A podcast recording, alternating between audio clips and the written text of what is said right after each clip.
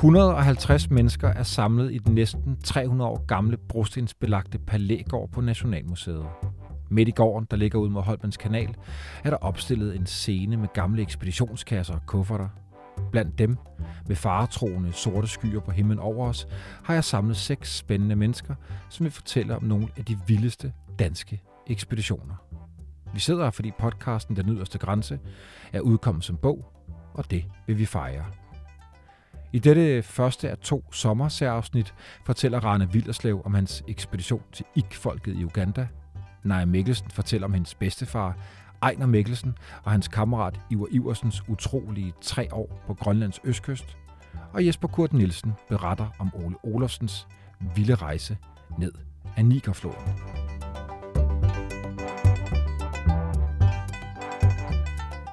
Rane Vilderslev, talrige ekspeditioner i Sibirien og pelsjager, og jeg forestiller mig, at mange af jer kender historierne. Jeg har selv været grebet af dem, dengang du også skrev din, din bog om den rejse, Rane. Så i dag tænker jeg, at vi skulle lave noget nyt. Mm. Vi skal simpelthen et andet sted hen. Vi skal til Uganda mm. og til, øh, til Ik-folket. Mm. Så det bruger vi et kvarter på. En ekspedition, som for mig var ukendt, mm. og som formentlig også for mange af jer er noget, vi ikke har hørt så meget om i forhold til Sibirien. Mm. Ja. Ik-folket, hvem er de? Jamen, øh, det, er sgu, øh, det, det, det er en spøjs gruppe, fordi øh, altså, i virkeligheden så øh, valgte jeg at sige, at jeg tænkte, øh, jeg gider simpelthen ikke Sibirien mere, efter alle de mange år. Øh, og nu vil jeg, hvad er det mest øh, fundamentalt forskellige fra Sibirien? Jamen, det må være Afrika, ikke? Øh, og så en kollega i Aarhus og jeg, vi, øh, vi tog så til det nordlige U- øh, Uganda op til Karamoja, som det hedder, regionen, faktisk for at finde en kvæstarme og studere, øh, fordi vi, det er domineret af kvæfolk. Altså det, øh, det, det del af det, man kalder the øh, East African Cattle Complex. Og vi fik fat i en dyrlæge, som øh, havde sådan et stort kohoved foran på øh, jeepen, og han var garantien for, at vi ikke blev skudt. Det er et meget uroligt område, og folk øh, skyder hinanden, øh, men ham, dyrlægen, elsker de alle sammen, fordi han løber rundt og vaccinerer deres kvæg. Så han var ligesom garantien, og så tog vi op gennem hele Karamoja og, og interviewede forskellige øh, kvægfolk, Dodos, GA og hvad de alle sammen hedder, Kamajong og så videre. Og så på sidste dagen, der var vi oppe i, i nogle bjerge, altså oppe i det helt nordlige spids af Uganda, der hvor du kan sidde og kigge ned til Sydsudan og til Kenya. Øh, og der kommer der to øh, sådan ret øh, lavstammede, øh, kan man sige, folk ud af, af bushen, altså af, af skoven. Det er et skov deroppe øh, med bur og pil, og vi spørger, hvem er I? Og vi siger, de siger, vi er ikke.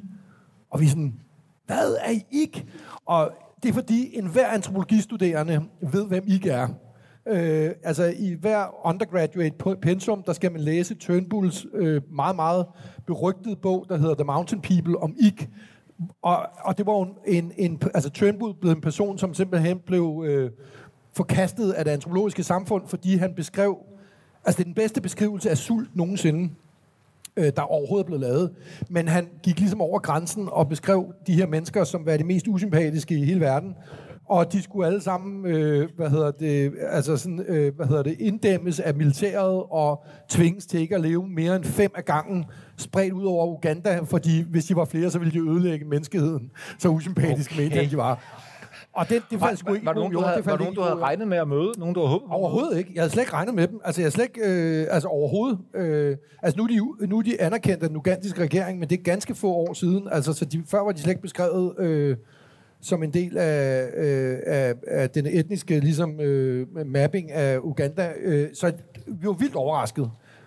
Og vi havde troet, de var uddøde, fordi det var det billede, Tønbull ligesom gav af de der mennesker. Det var bare et spørgsmål om nogle få år, så var de væk øh, fra jordens overflade og sådan noget. Og hvorfor skriver han så barskt om dem? Øh, jamen, det er fordi, at han, altså han, øh, kan man sige, han oprindeligt studerede han mbuti pygmæerne i, i Turi Forest i Kongo, som han bare elskede, øh, og skrev en meget, meget øh, sådan, smuk bog om deres forhold til skoven og så videre. Så, så han blev meget fascineret af pygmæer og ville finde nogle flere. Og så havde han hørt om nogle små mennesker, der levede op i, øh, i nordlige Uganda, så han tog op efter, om de overhovedet ikke pygmæer, skal det så siges, de er bare små.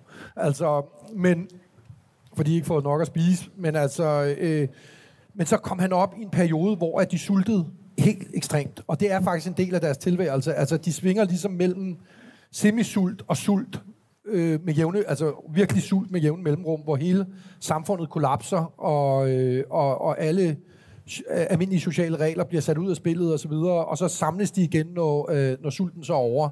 Og der er ikke noget frøjt her, hvor de skal sidde og pille i det eller noget. Det er bare suppress, suppress, og så er det videre. Og, øh, og, men han beskrev altså den her sult set indenfra, ikke? Og det er faktisk, altså det interessante er, at det er, en, altså det er den bedste beskrivelse, der nogensinde er blevet lavet af, af, af folk, der sulter. Og de redsler, der følger med. Problemet var, at han ligesom ikke... Øh, ja, altså han blev selv påvirket af det, øh, var jeg ved at sige, og kom altså til at hade de her mennesker, fordi han også så alle de her øh, øh, altså frygtelige ting, altså børn, der blev efterladt, gamle, der blev efterladt, øh, og så videre, ikke? Øh, og hvad ser du, når du så møder dem? Jamen altså, øh, vi kommer ikke ind i en øh, sulteperiode, men altså sult er ligesom noget, der hænger, øh, hænger over øh, hovedet på dem øh, øh, hele tiden. Og der er, ikke noget, der er ikke noget specielt forfærdeligt ved dem overhovedet. Altså, de, de er utrolig øh, søde, venlige, gæstfrie. Der var absolut intet i den øh, sammenhæng, men... Men det er jo ikke folket, du får en ret barsk oplevelse. Ja, fordi de lever i et, et miljø, som er øh, virkelig frygteligt. Altså, det må man skulle sige. Altså, de er omgivet af de her kvæfolk, som ki, altså, øh, er ekstremt er øh, involveret i en ekstrem vold, kan man sige. Både mod hinanden, fordi de, der systemet går på, at du, øh, altså, det handler om at få kvinder og få kvæg. Og kvæg kan du, noget kvæg kan du mobilisere igennem øh, altså familie, men andet kvæg stjæler du fra andre øh, nabostammer. Øh, men så de, er kon, de er konstant øh, konflikt er de konstant konflikt, Ja, det er de. Øh, men Øh, og så er der kommet øh, small arms fra øh, Sydsudan, ikke, som gør det øh, ret voldsomt. Men ikke er en kategori helt for sig selv. De har ingen kvæg. Øh, de taler kuljak, kuljak, som er et helt, helt andet sprogstamme, og bliver altså betragtet af de her kvægfolk som øh, altså som noget, altså som nogen du kan henrette for sit liv. Altså så det er sådan noget, at du kan finde på, at kvægfolkene rykker ind i deres landsby og så øh, sidder og, og bliver brødfødt og, og så videre, og så skyder dem alle sammen bagefter og går. Altså, det er sådan noget der. Altså, det er sådan noget meningsløs vold, kan man sige, ikke? Øh, som præger det. Og, og derfor er de hammerne bange. Alle kvægfolk, der har øh, Kalashnikovs, ikke har ingenting. Altså, de har bu og pil og, og spyd, ikke? Og, øh, og derfor så var det jo også noget med, at altså, i den hytte, jeg boede i, øh, der øh, blev der bundet ræb ned. Altså, det er jo meget bjergrigt et ræb ned af bjergskråningen, fordi hvis du bliver angrebet, altså så kunne du kravle ned af det der ræb, ikke? Så det, øh, det er, det, er, meget er, er, det, er det på dem, du, er, du, du kommer ud på en jagt? Ja, jeg kommer ud på en jagt. Altså, er det med dem? Ja. Altså, de jager i tør, øh, tørtiden, øh, der, øh, der jager de...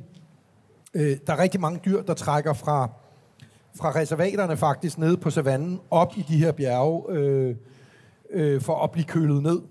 Og når de er uden for reservatet, så er de genstand for, for jagt, ikke? Så der er alt, altså der er alt fra vildsvin til bøfler, og der er også blevet slået, øh, øh, hvad hedder det, øh, hvad de hedder, giraffer og sådan noget, ikke ihjel. Øh, men men, men øh, jeg tager ud med dem på jagt, og jeg, jeg er godt klar over, at der er en risiko forbundet med det her. Øh, altså, men de første mange gange, vi går på jagt, øh, altså der er der ikke noget problem vi møder ikke noget farligt, var jeg ved at sige, andet end dyrene. øh, og det er jo fantastisk smukt. Altså, I skal forestille jer, at det er jo vild skov med vilde mangoplanter, der hænger ned, og, og øh, altså, øh, utrolig, utrolig smukt. Øh, men så er vi ude på en jagt, og, øh, og det, man er sådan 30 mand afsted. Altså, det, det er en kæmpe gruppe. Altså, fordi det, man gør, det er, at man brænder man sætter ild til græsset, og så bliver dyrene tvunget ud af græsset, hvor de gemmer sig, og så flyver pile og spyder og alt muligt i alle retninger. Okay. Det, det i sig selv er sådan lidt farligt, man står men, øh, men, øh, men altså, vi er ude der på jagt, og så lige pludselig er der ikke nogen. Det er, sidst på, det er, sidst på, det er først på aften, og vi skal til at, campere, og så er der bare ikke nogen. Der er kun øh, mig selv og så en anden ik, der ligesom, altså jeg, jeg er jo tykke, der ikke rigtig kan følge med, så de, jeg, holder, jeg, jeg løber lidt bagefter alle de andre. Øh, og lige pludselig, så er, de, så er de der bare ikke. Og så kigger jeg på ham her foran mig, øh, altså, og jeg har aldrig set en redsel så stærk i hans øjne. Altså en total redsel. Og så siger han bare, the enemy, run. Og så peger han, og så ser jeg sådan tre Tucana-krigere, 100, 100 meter øh, fra os, der står med ryggen til, og med Kalashnikovs, og så begynder han bare at løbe. Og det er en af de rivaliserende stammer? Eller? Ja, altså, det, de, de er bange for dem, fordi de øh, slår dem ihjel. Altså, ikke? Og det er jo det, der er sådan frygteligt, fordi der er ikke noget, nødvendigvis noget argument, der er ikke noget incitament, de bliver bare slået ihjel, ikke? Mm. Og øh, han løber så afsted, og jeg løber efter, øh, men det er jo sådan sidst på eftermiddagen, og vi har gået i den der jungle hele dagen, så jeg er dødtræt. Øh, så efter en halv time, så siger jeg sådan, øh, kan, vi ikke, øh, kan vi ikke stoppe og gemme os? Ikke? Og så, så siger han bare sådan, øh, se, de kommer. og så så jeg, kiggede ned, og de er på vej efter os. Øh, hvis vi gemmer os, så må vi slå dem ihjel, fordi ellers slår de også ihjel. Altså Martin, Åh, okay, vi løber videre. og, øh, men det er lige omkring ekvator, så, øh, så solen går ned der klokken halv otte og så holder jeg bare fast i hans spyd, og så fører han mig igennem alle mulige stier. Han, det er jo heldigvis, at det X område, kan man sige, så de kender skoven, mens at de der Tukana-krigere var ved at transportere kvæg, som de har stjålet fra, fra nogen i Kenya, over til den ugandiske side, eller omvendt. Øhm, og, og de kan så ikke følge med, og så slipper vi væk på den måde, ikke? Ja. Men der var jeg sgu bange, altså, det var jeg virkelig. Altså, virkelig sådan grundbange, altså. Det var sådan noget, okay, du skal virkelig løbe nu, fordi ellers så dør du. Det er også en god motivation ja, til at ja. løbe. Og det er, ikke sådan noget, det er jo ikke sådan noget, hvor at man tager gisler eller noget, altså, du ved, eller du kan betale dig ud af det. Altså, øh, de, altså, da jeg var der, så var der en missionær, der blev skudt, fordi han kørte, han kørte afsted på en knaller, og så stod nogle kvæfolk, og så diskuterede de, hvad var hurtigst, knaller den eller kuglen, og så prøvede de det af. ikke? Altså, så det, nej, nej, nej. Ja, det er ret voldsomt. Altså, ja. Rane, du har fortalt mig, at du gerne ville have besøgt de her folk, hvis ja. ikke det var, at du fik et job, som så var her. Ja, ja. Så det satte ligesom en stopper for Ja, det satte stopper, dit, men jeg var fandme også, arbejde. jeg sgu træt af det område, det må jeg ærligt indrømme. Du, øh, du, har, du har fortalt mig, at du blev helt desillusioneret ja, på menneskets, ret, øh, ja, det blev, menneskets vegne på ja, en. Ja, det gjorde jeg egentlig. Øh, Hvor, hvorfor? Jamen fordi, altså jeg har aldrig før i mit liv været i et område, hvor at, øh, der er så, meningsløs, altså så meget meningsløs vold.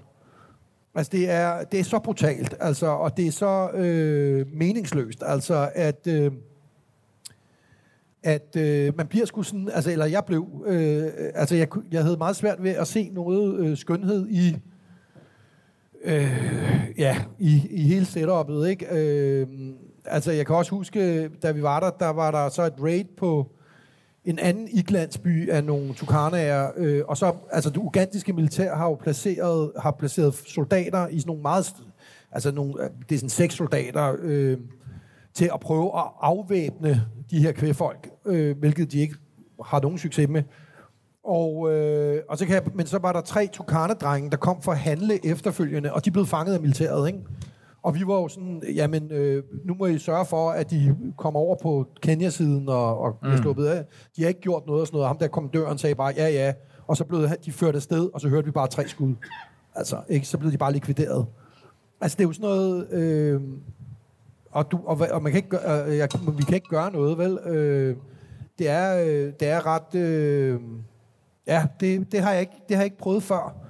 Altså, fordi i Sibirien kan der være øh, af naturen rå, og folk dør i den. Men den der øh, sådan, fuldstændig meningsløse øh, brutalitet, mm. den har jeg ikke prøvet før, vel? Øh, så det var... Øh, og så, jeg, jeg er ikke skabt til varme klimaer generelt. Altså, jeg trives langt bedre i de kolde. Øh, du ved, så jeg, da jeg ligger... Jeg fik astma sådan, altså sådan et astmaanfald, og, som jeg ikke er kommet af med siden, du ved, bare på grund af af alle de der støvpartikler der, ikke, der jeg lå i mit telt. Jeg kan også huske, altså jeg, jeg først fik vi jo bygget en hytte, og så vågnede jeg ved, at der var en rotte, der sad og gnædede mig i stortåen igennem myggenettet. Så tænkte jeg, og jeg, jeg kan simpelthen ikke fordrage rotter, jeg kan simpelthen ikke have med det at gøre. Så tænkte jeg, aldrig igen. Så rykkede jeg ud på compounden med mit telt, og de der ikke, de var sådan, øh, altså rotter de er godt nok ubehagelige, men de gør ikke noget. Herude er der slanger, og mig, jeg er sådan ligeglad. Jeg, skal, jeg, jeg vil bare ikke have rotter. og, så, og så en dag, så begyndte det bare at lugte af dødt dyr, ikke? Og det er et lille telt. Det var sådan en lille etmandstelt. Øh, og jeg var sådan, hvad fanden er det, der lugter af? Er der en rotte, der forvildet sig ud af død? Eller jeg løftede alle ting og sådan noget. Indtil jeg fandt ud af, at der var sgu en, en øh, kobraslange, der havde kravlet ind og lagt sig ind under mit underlag Men så heldigvis mit kæmpe korpus havde så slået den ihjel, fordi jeg havde bare ligget der. Ikke? Øh, og så var, så var den død. Ikke? Og prøv at høre, så vi, ja, I kender Rane, og vi kunne blive ved, og vi kunne blive ved med fantastiske historier, Rane. Men nu er der gået mere end et kvarter. Tusind tak, for du var med. tak for det. Du. Tak. Og vi fortsætter med en endnu vildere historie, vil jeg næsten påstå. Naja, så er det dig. Og så til dem, der ikke sidder her, men dem, der senere kommer til at lytte med, så er vi jo masser af folk pakket godt ind. Det er 2. juni, men de mørke skyer har luret over Nationalmuseet, og vi er pakket godt ind i huer og tæpper, og har fået fyldt glasene, og nu er Naja kommet på scenen. Dejligt at se dig, Naja. Øh, Naja, du er... Du Behøver jeg at sidde ned, for jeg føler mig altså som guldlok, der skal sidde i sådan en stor stol. Så vil jeg have en kasse at sidde på. Det bestemmer du selv. Jeg sætter mig. Nå. Så er vi cirka samme højde. det er jo det. Okay, jeg sætter mig. Naja Mikkelsen, klimaforsker og tilknyttet GEOS, og medlem af de kvindelige eventyrenes klub, og så har du bidraget med hele tre historier til bogen, der ligger her. Og øh, den ene af dem er dansk, og det er din kære bedstefar. Ham møder vi lige om lidt. Året er 1909, og vi er på Grønlands østkyst. Nordøst. Nordøstkyst. Og vi har to mand, der allerede, og det bliver straks værre lige om lidt, men har kæmpet sig gennem sne og hungersnød og kommer tilbage til, hvad de tror er deres kammerater og et skib ved Shannonø. Det gør de nemlig. Det er to mænd, Ejner Mikkelsen og Ivo Iversen. De har været afsted på slædetur i 8 måneder og har været ude på en tur, der er omkring 3.000 km lang. Og de har sultet det sidste stykke tid. De har ikke haft deres leder, de har ikke haft deres telt, de har ikke haft noget som helst. Men nu kommer de tilbage til der, hvor de efterlod deres skib og deres kammerater, troede de. De havde nemlig en aftale om, at de skulle komme tilbage i øh, begyndelsen af august, og hvis det ikke var der der, jamen, så måtte de andre sejle afsted, hvis de kunne komme afsted med det. De kommer tilbage i november. Og hvad ser de derude? De ser øh, sådan ude i snestormen en mast. Og jeg kan godt love jer for, at de blev glade, for så tænkte de, åh, de er her. Og de skynder sig alt, hvad de kan, frem til deres skib og deres venner. Og hvad er der? Et vrag. Og der er ingen mennesker. Der er en hytte, som er bygget af vragresterne.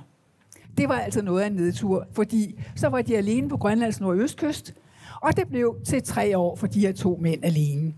I den lille Alabama-hytte. Yeah, ja, lige præcis. Alabama-ekspeditionen. Alabama-ekspeditionen, ja. Lad os lige finde ud af, hvorfor de var der, Naja. Åh, jamen se, pointen var, at øh, vi har lige haft Trump, der ønskede at købe Grønland.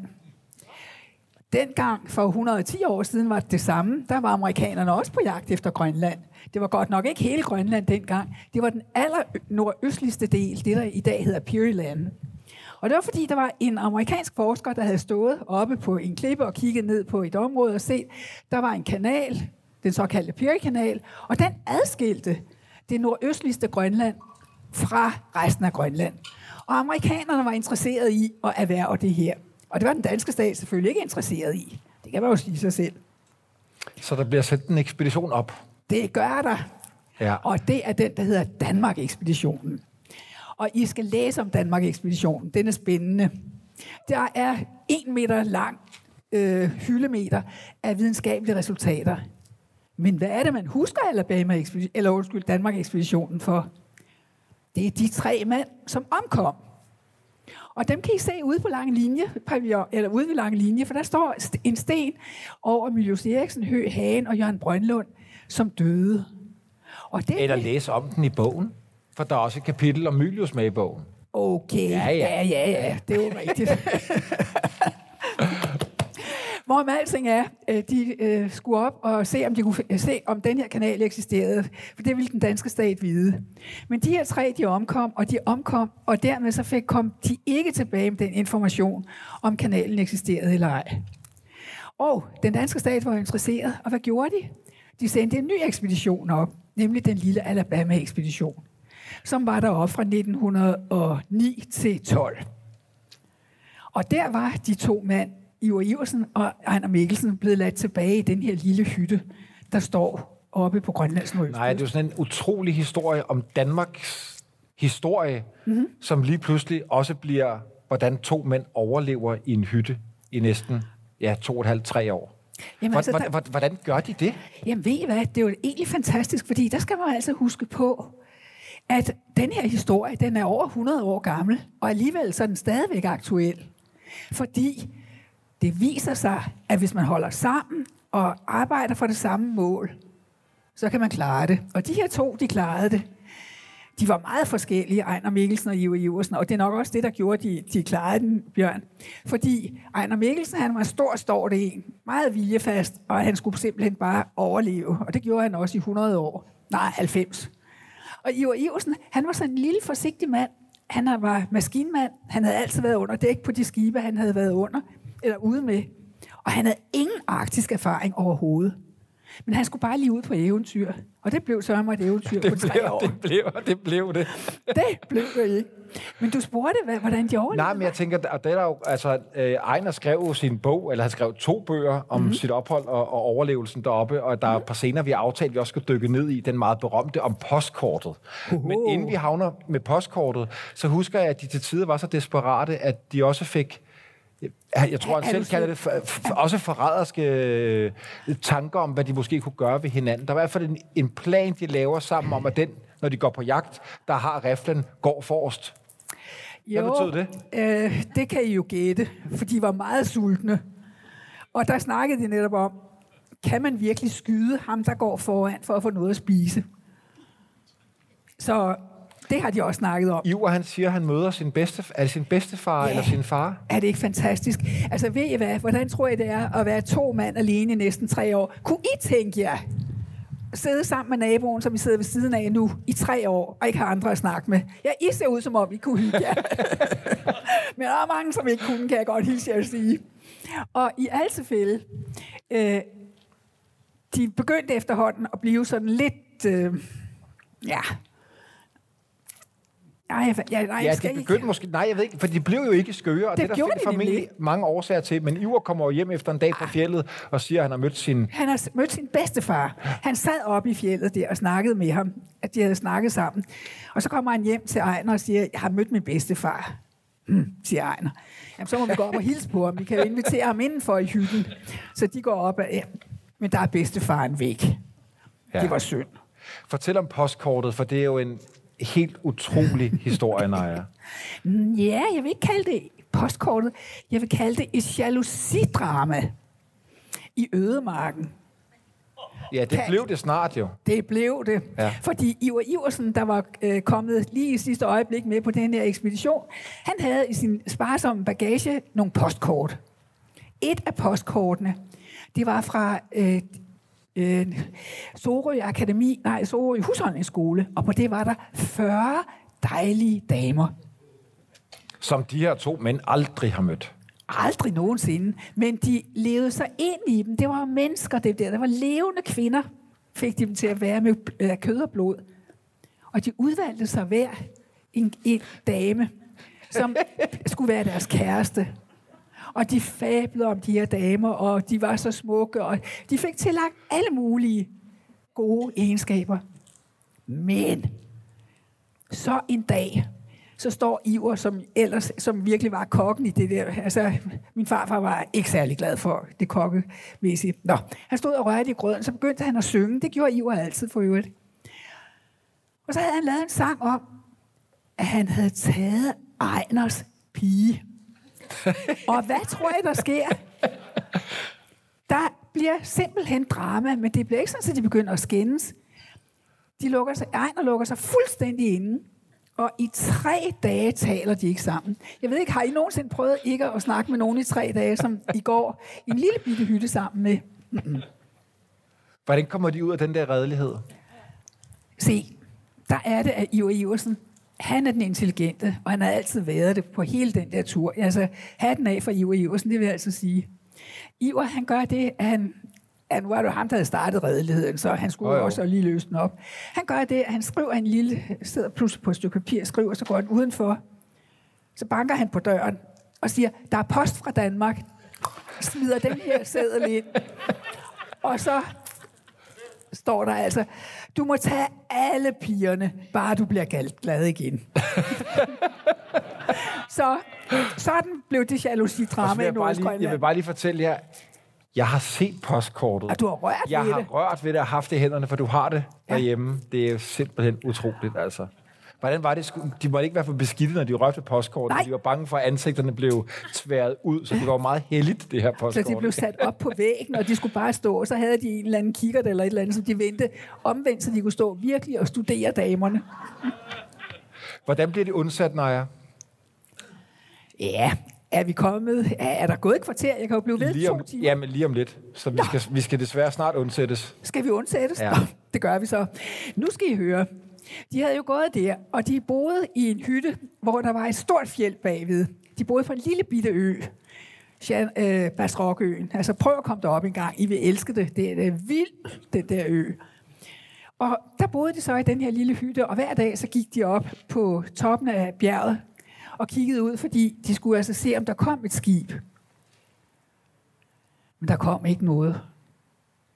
Og så gik de jo selvfølgelig i seng, som de plejede. Og nu har de haft bjørnebesøg mange gange i deres hytte. Altså bjørn, som, bjørn, som har varpet omkring huset og skubbet til alt, hvad de havde derude. Og en dag var der en bjørn, som ovenikøbet bankede døren ind og simpelthen var ved at æde dem begge to, fordi de havde ikke deres gevær på plads.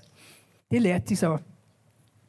Så en dag, så var der en bjørn igen, der myldrede rundt derude.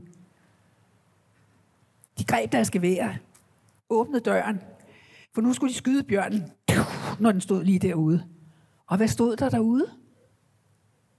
Fem norske nordmænd fra Norge. og de var lige ved at skyde deres redningsmænd, men det gjorde de altså ikke. Så de Og blev hvad de nordmænd har tænkt at finde to fuldstændig beskækkede mænd inde i den hylde. Jeg ved ikke, er, er billedet med? Jeg, kan, jeg har glemt, om det er. Billedet er med. Hvis I kigger i den her bog, så vil I kunne se, og så vil I kunne forstå, hvorfor nordmændene blev rigtig alvorligt bange. Fordi de havde, altså, især Ejner Mikkelsen havde et hår, der var så stort her, et kæmpe skæg. Og så læg mærke til øjnene, det er næsten det, er det mest fantastiske. Ja. De, de ser altså ud, som om de er sådan lidt ved siden af sig selv, men det er de ikke, fordi de kom hjem til København. Ejner Mikkelsen blev 9, 10 måneder efter, han var kommet hjem, gift i Holmens Kirke, og så, så nogenlunde tilforladelig ud, og Iver blev gift 12 måneder efter. Så sådan endte den historie. Tusind tak, Naja. Så nu hørte I Rane og tænkte, det er en god storyteller. Ikke? Og så kom Naja. Og nu bliver det måske endnu vildere. For nu kommer Jesper Kurt Nielsen inden pausen. Velkommen, Jesper. Tak, og tak fordi du har bestilt ekspeditionsvær. ja, ekspeditionsvær. Ja, ja. Vi sidder og skutter os. Jesper, museumsinspektør her på Nationalmuseet, og som jeg allerede har sagt, en fremragende storyteller. Jeg har også fået flere rundvisninger derinde på museet, og man, øh, ja, et kvarter, det er ikke nok. Du har også bidraget med flere historier, både til podcast og til, øh, og til bog. Og øh, ham, vi skal snakke om nu, det er Ole O. Ole Olofsen. Det er jo et udtryk, som du har opfundet. Bjørn har gjort Ole Olsen moderne. Nej, det ved jeg ikke. Det er for meget at sige. Men vi kalder ham Ole Olofsen i dag. Det gør vi. Ja. Ole Olofsen skal til Nigerfloden. Fortæl, fortæl, hvordan han så ud, for jeg kan huske i podcasten, at du har sådan en fantastisk beskrivelse af, hvordan Ole så ud, når han var på ekspedition. Jeg vil sige, at øh, de fleste kender Indiana Jones, og han er en bleg afglans af, hvad Ole Olsen var. Kakitøj, trobehjelm eller stor øh, hat. Øh, en revolver under støvfrakken, når han sad på sin dromedar. Han var simpelthen indbegrebet af en, en opdagelsesrejsende. Og så var han øh, kendt som en rockstjerne i sin samtid. Og det er derfor, jeg har interesseret mig for ham, fordi han var gået i glemmebog. Der er nogen, der overlever tidens tand. Øh, Henning Haslund Christensen og Knud Rasmussen husker man stadigvæk. Men Ole Olsen var lige så stor i samtiden, og Ja. ham har vi glemt. Men vi husker ham. Absolut. Og det gør vi i dag. Ja. Hvad skulle han på Nigerfloden? Han havde været på mange ekspeditioner. Der er endda nogen, der siger, at han er den, der på en eller anden måde opfinder ekspeditioner til, til troberne, fordi der havde været så mange øh, ekspeditioner til Arktis.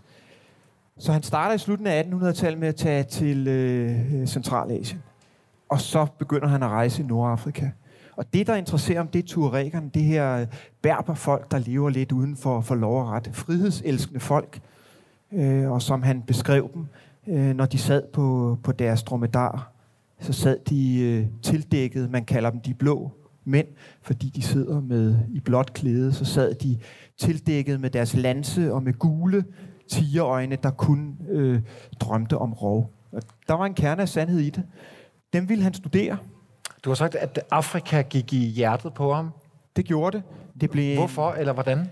På hans første store øh, Afrika-ekspedition til Sahara i, i 23, der forelsker han sig øh, i tuaregerne. Det kan godt være, at de er vilde, men han kunne spejle sig selv i, i de her mennesker. Han øh, var officer, og han var også øh, generalsekretær for det Kongelige Danske Geografiske Selskab. Men han, for, han forstod de æresbegreber, de havde. Og de var ikke bange for franskmændene. Man skal jo huske på, at han rejste i det franske imperium.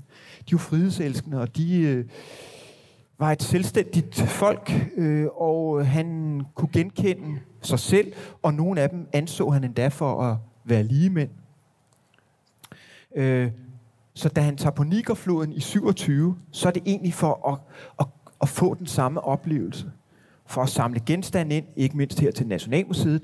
Og øh, nu har han jo tidligere været hos uh, tuaregerne, så nu vil han forske lidt mere i dem. Så han vil prøve at undersøge, hvor langt syd for Nigerfloden, at tuaregerne egentlig har, har været. Jesper, han, vil have, han, han havde jo tidligere på sine andre ekspeditioner haft unge danske forskere med. Han har også to yngre danskere med. Hvem, hvem var de? det var øh, en del af hans succeshistorie. Det var, at han var måske ikke selv den store forsker. Han var ikke uddannet akademiker. Øh, men han var en primus motor. Han var enormt dygtig til at udvælge de rigtige unge forskere, der tog med på hans ekspeditioner. Og de skabte karriere på hans ekspedition. Og på den her ekspedition, der tager han øh, øh Olof Hagerup med, som er botaniker, øh, og så tager han Mads Madsen med, som øh, er... Øh, dyrekonservator øh, fra Zoologisk Museum. Det, der er så interessant ved den her gruppe, det er, at de, de er meget, meget forskellige. Ole Olufsen, der er officer, øh, og som begår sig blandt de kongelige. Øh, og, Ole, og han har hård tone, ikke? Og han, er, han taler som en officer, ikke? Og øh, hvis der er nogen, der er lidt for frække, også af de lokale, så er han ikke bange for at vifte med revolveren. Det gør han gerne. Okay. Øh, og øh, Olof øh, Hagerup, han er en ung botaniker, der har haft et nervesammenbrud på grund af, hans, han har en dominerende mor, så han har rejst til Færøerne og har fået en religiøs vækkelse. øh, og så finder han ud af, at han vil endnu længere væk fra sin mor. Der er Afrika et godt sted. Og så ender han med Olsen. Ja, ja, og, ja. og Mads Madsen, han er øh, uddannet barber. Og det er rigtig godt, når man skal skære i dyr. Øh, så han tager okay. også med. Og, og, så, så det er på en eller anden måde, så, øh, så er det folk, der har sådan en, nogle praktiske erfaringer. Mm. Så selvom de er forskellige, så, så har de det rigtig godt på den her ekspedition. Nu er det jo sådan, når man rejser på Nigerfloden, og det har jeg selv gjort. Jeg har rejst i Ole Olsens, øh, om ikke fodspor, så i hvert fald sådan padlet efter ham på, på floden. Og øh, der får man altså maveknep.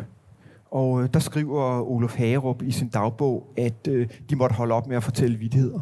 Øh, fordi det kunne maven altså ikke holde. Er det rigtigt? Øh, så nej, de har haft det sjovt på den her tur. Så sejler de i øvrigt ned ad floden på, på sådan, hvad man må kalde to pramme. Den ene hedder Antilopen, men den anden fik Mads Madsen for sig selv, fordi han var jo dyrekonservator. Og som Olsen siger, det lignede en slagterbutik. Øh, så det var ikke et rart sted at være. dyr. Ja. ja, det var fyldt med døde dyr. Ja. Men det er jo et ekstremt hårdt klima, de rejser i, og, og, det det. og Olsen bliver også syg. Det er et helt ubeskriveligt øh, klima. Prøv, prøv at dykke ned i nogle af de der scener. Jeg kan huske, du har snakket sådan en om, at de, de simpelthen ikke kan sove om natten, hvilket også lød meget mærkeligt. Det er et ekstremt varmt øh, og fugtigt klima. Nogle gange er der jo helt op til 100% øh, luftfugtighed. Og samtidig så øh, rejser de jo grundlæggende rejser de ned ad en flod, der driver igennem ørken. Men om natten er der liv. Der er ikke tusind frøer, der er ikke en million frøer, der er milliarder af frøer, der kvækker. Og det er altså for at blive øh, i analogien, en, en rockkoncert hver eneste aften. Og en gang imellem, så bliver de altså drevet til vanvid, og så er der en, der, der griber den nærmeste bambuspind og løber ud og, og slår løs i, sti, i, i sivene for at få de her frø til at holde mund. Og det gør de også i helt op til 5 sekunder, og så fortsætter den her koncert. Øhm, og så sker der jo altså det, at Ole Olsen, der på mange måder er altså, Hvis der er nogen, der kan huske John Wayne, så er han sådan datidens John Wayne. Han er a man's man, som amerikanerne siger. Øh, han har rejst øh, og aldrig nogensinde været syg. Han har aldrig nogensinde fået et loppebid i hele sit liv. Og nu får han lige pludselig øh, lopper, og han bliver også syg. Han bliver så syg, at han øh, faktisk øh, overvejer at tage sit eget liv. Og øh, der er det jo interessant, at i forbindelse med, at øh, jeg har skrevet om Ole Olsen, for jeg har også øh, arbejdet med ham, øh, ikke kun i, i det her værk, så har jeg også fundet øh, dagbøger fra dem alle tre. De var fordelt på tre forskellige museer. Så bliver det jo rigtig sjovt. Øh, og der bliver det dokumenteret, at øh, han forsøgte at tage sit eget liv. Øh, og hvem taler ham fra det? Det gør hans to øh, ekspeditionsdeltagere, okay. siger, at det skal han lade være med. Men han bliver jo rigtig, rigtig syg, Jesper. Det gør han. Men det er også en, øh, og det er jo det, der gør det interessant for mig, fordi en ting er, at de samler ind, og det, de samler ind, er på mange måder fundamentet for, hvad vi har samlinger her på museet, og hvad man har på Zoologisk Museum, og man, hvad man har på Botanisk Museum. De to museer, der nu er sammenlagt i det naturvidenskabelige øh, museum. Øh, det er fundamentet for, for, for de her samlinger. Men han dør ikke undervejs på ekspeditionen, men kort tid efter? Det, det gør han. Ja, det, det gør han. Han... Øh, han øh, kommer hjem fra ekspeditionen, og der er han skuffet, fordi øh, det er jo også fair at sige, og det er det, der er interessant for mig. Det er ikke så meget de her samlinger, han samlinger, det er den måde, han beskuer verden på. For han observerer jo, og det gør hans tre øh, eller to andre medkompaner jo også, de observerer jo fransk kolonialisme, og de observerer også den lokale kultur. Og det er interessant i dag. Og han kommer hjem og er skuffet, og det er han, fordi øh, da han havde været på sin safari, øh, eller sin, sin Sahara-ekspedition sammen med tuaregerne, der øh, føler han jo, at han er sammen med, med mennesker, han forstår og som han elsker. Øh, og nu er han lige pludselig længere sydpå i det, man kalder tropisk Afrika. Og der er det også fair at sige, at han bliver en dokumentation af, hvordan man så på mennesker dengang. Der er han også i opposition til de to andre, øh, for de unge, og de øh, har et andet syn på afrikanerne, end Olofsen har de føler et fællesskab. Hagerup, fordi han har haft en kristen vækkelse, han synes, de der afrikanere, der er kristne, de er jo meget bedre kristne end i Danmark. For det er jo, øh, det er jo bare sådan nogle folkekirkelige nogen. Øh, og, og Mads Madsen, der er sådan en håndværker, han synes bare, at afrikanerne har den samme humor som ham, og de arbejder hårdt og så videre. Og Olufsen, han er, han, han øh, er en, man har svært ved at citere i dag, lad mig sige det sådan. Det, det bliver de dokumentation af. Men han er skuffet. Men de påviser jo også, at turækkerne faktisk levede længere sydpå. Det gør han. Det er øh, Olsen. Vidste. Ja, det gør han. Olsen finder øh, gravsten meget syd for Nigerfloden med, med øh, skrifttegn øh, i turækkernes sprog, Tifinar øh, og kan bevise, at de har været sydligere, end de var på, på daværende tidspunkt. De kommer hjem i 27, han dør i 29. Jeg husker, du skriver, at, at øh, Afrika tog hans hjerte i første ja, instans, han, fordi han blev forelsket i det, men det tog også hans hjerte i anden instans. Det er, jeg tror, alle er enige med mig, at øh, når man har rejst i Afrika, så tager, så tager Afrika en. Og meget ofte ens hjerte. Og det gjorde det så også med, med Hagerup, men det tog også hans liv. Mm. Øh, og øh, det var selvfølgelig tragisk, men han levede også et fuldt liv, og han skabte karriere for, for de to andre. Mm. Mads Madsen fik en stor karriere på Zoologisk Museum, og Hagerup øh, baserer simpelthen sin øh, doktorafhandling på, på de planter, han samler ind. Mm. Og øh, de levede med den her ekspedition resten af livet. Det var sådan, at øh, de endte med at købe et hus sammen oppe i, øh, i, i øh, øh Kongens Lyngby ved, ved, øh, ved Mølleåen. Øh, det var det nærmeste, de kunne komme til Nigerfloden. Øh, og øh, jeg har snakket sådan lidt en bleg afglans. Øh, men øh, jeg talte med datteren til Hagerup, og hun sagde, at det var oh, det var altså noget, det, noget, det var et værre hyr, fordi hver eneste aften, uanset om det regnede eller snede, så stod de to øh, mænd og snakkede ud over, øh, ind over hækken, og hver eneste dag, så snakkede de om Olofsens sidste rejse, og mm. der, hvor Nikon vander. Mm. Og det er titlen på din bog? Det er det så også. Om Ole Olofsen. Ja.